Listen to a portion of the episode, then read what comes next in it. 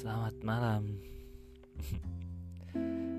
malam ini gue mau cerita tentang pandangan gue terhadap uh, orientasi sayang.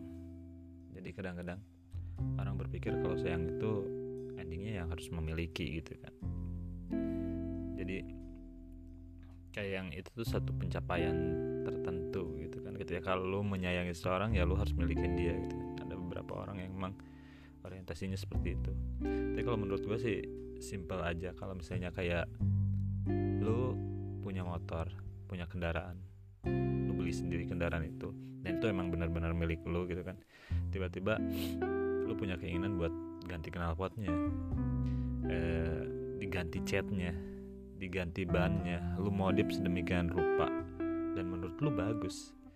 Dan yang gak salah sih lu bilang ke orang ya duit duit gua barang barang gua gitu kan. Mau gua apain juga terserah gua gitu kan.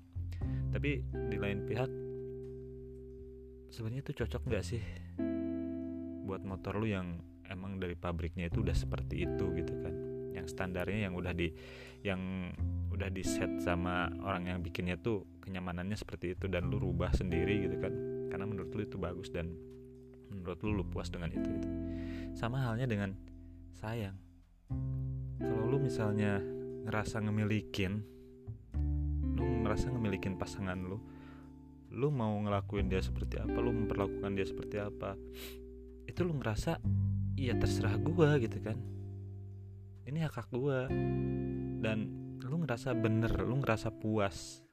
Tanpa lu sadar pasangan lu mau nggak digituin gitu kan.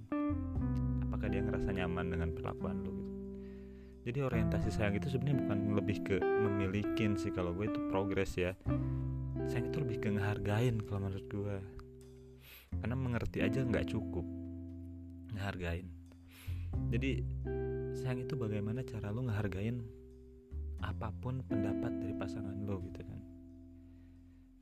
Ya walaupun misalnya keputusan pasangan lo itu nantinya lebih memilih orang lain daripada lo ya lo harus ngehargain itu kalau lo emang bener-bener sayang sayang itu nggak peduli lu diperlakukan seperti apa. Sikap pasangan lu ke lu seperti apa itu lu nggak peduli. Yang penting adalah sikap lu ke dia. Jadi jangan jangan selalu mengharapkan timbal balik. Gue orang yang dulu punya prinsip apa pun yang lu lakuin ke pasangan ya apa pun yang lu lakuin gue bisa ngelakuin itu bahkan lebih dari itu. Apa pun yang lu lakuin gue bisa ngelakuin lebih dari itu gitu.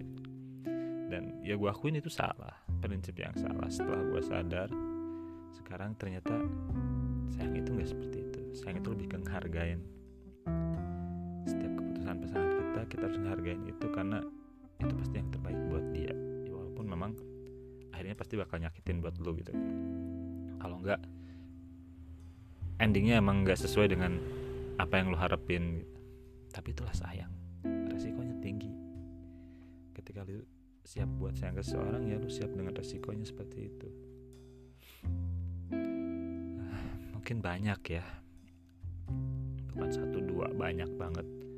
Orang yang kalau udah jadi pacar malah lebih terkesan posesif. Ya karena mindsetnya salah orientasinya salah.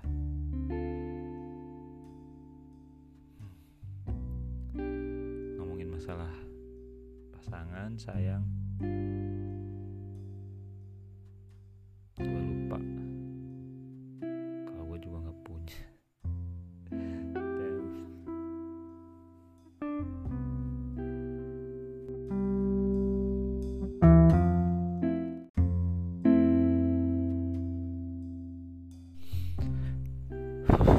Selamat malam.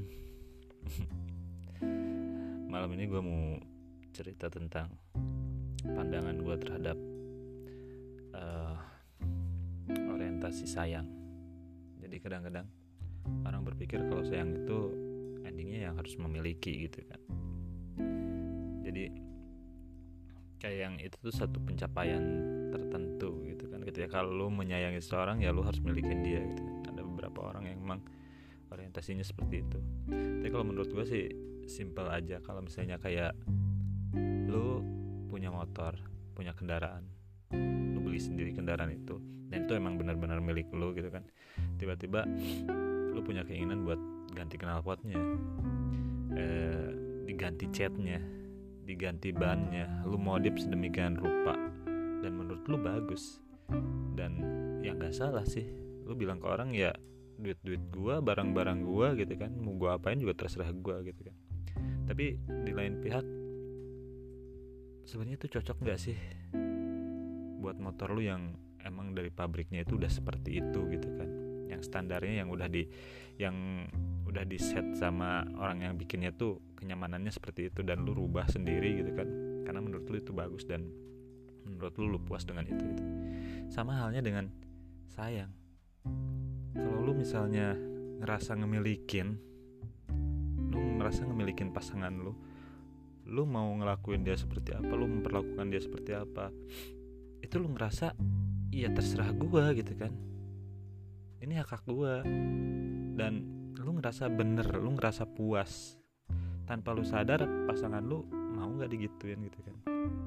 Apakah dia ngerasa nyaman dengan perlakuan lu jadi orientasi sayang itu sebenarnya bukan lebih ke memilikin sih kalau gue itu progres ya. Sayang itu lebih ke ngehargain kalau menurut gue. Karena mengerti aja nggak cukup ngehargain.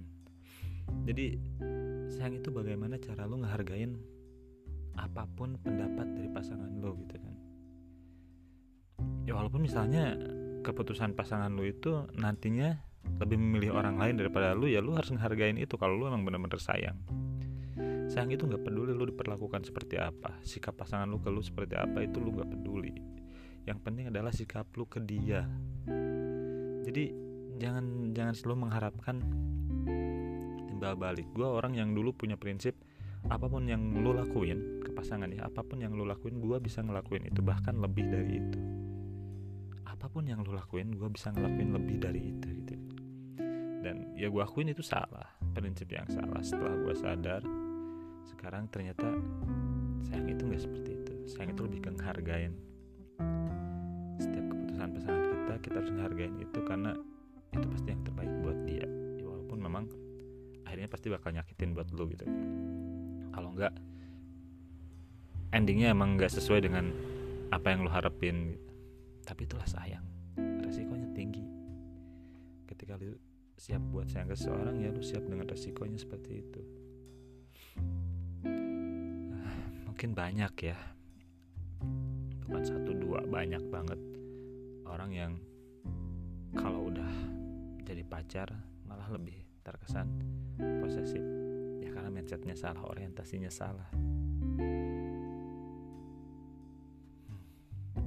Hmm. ngomongin masalah pasangan sayang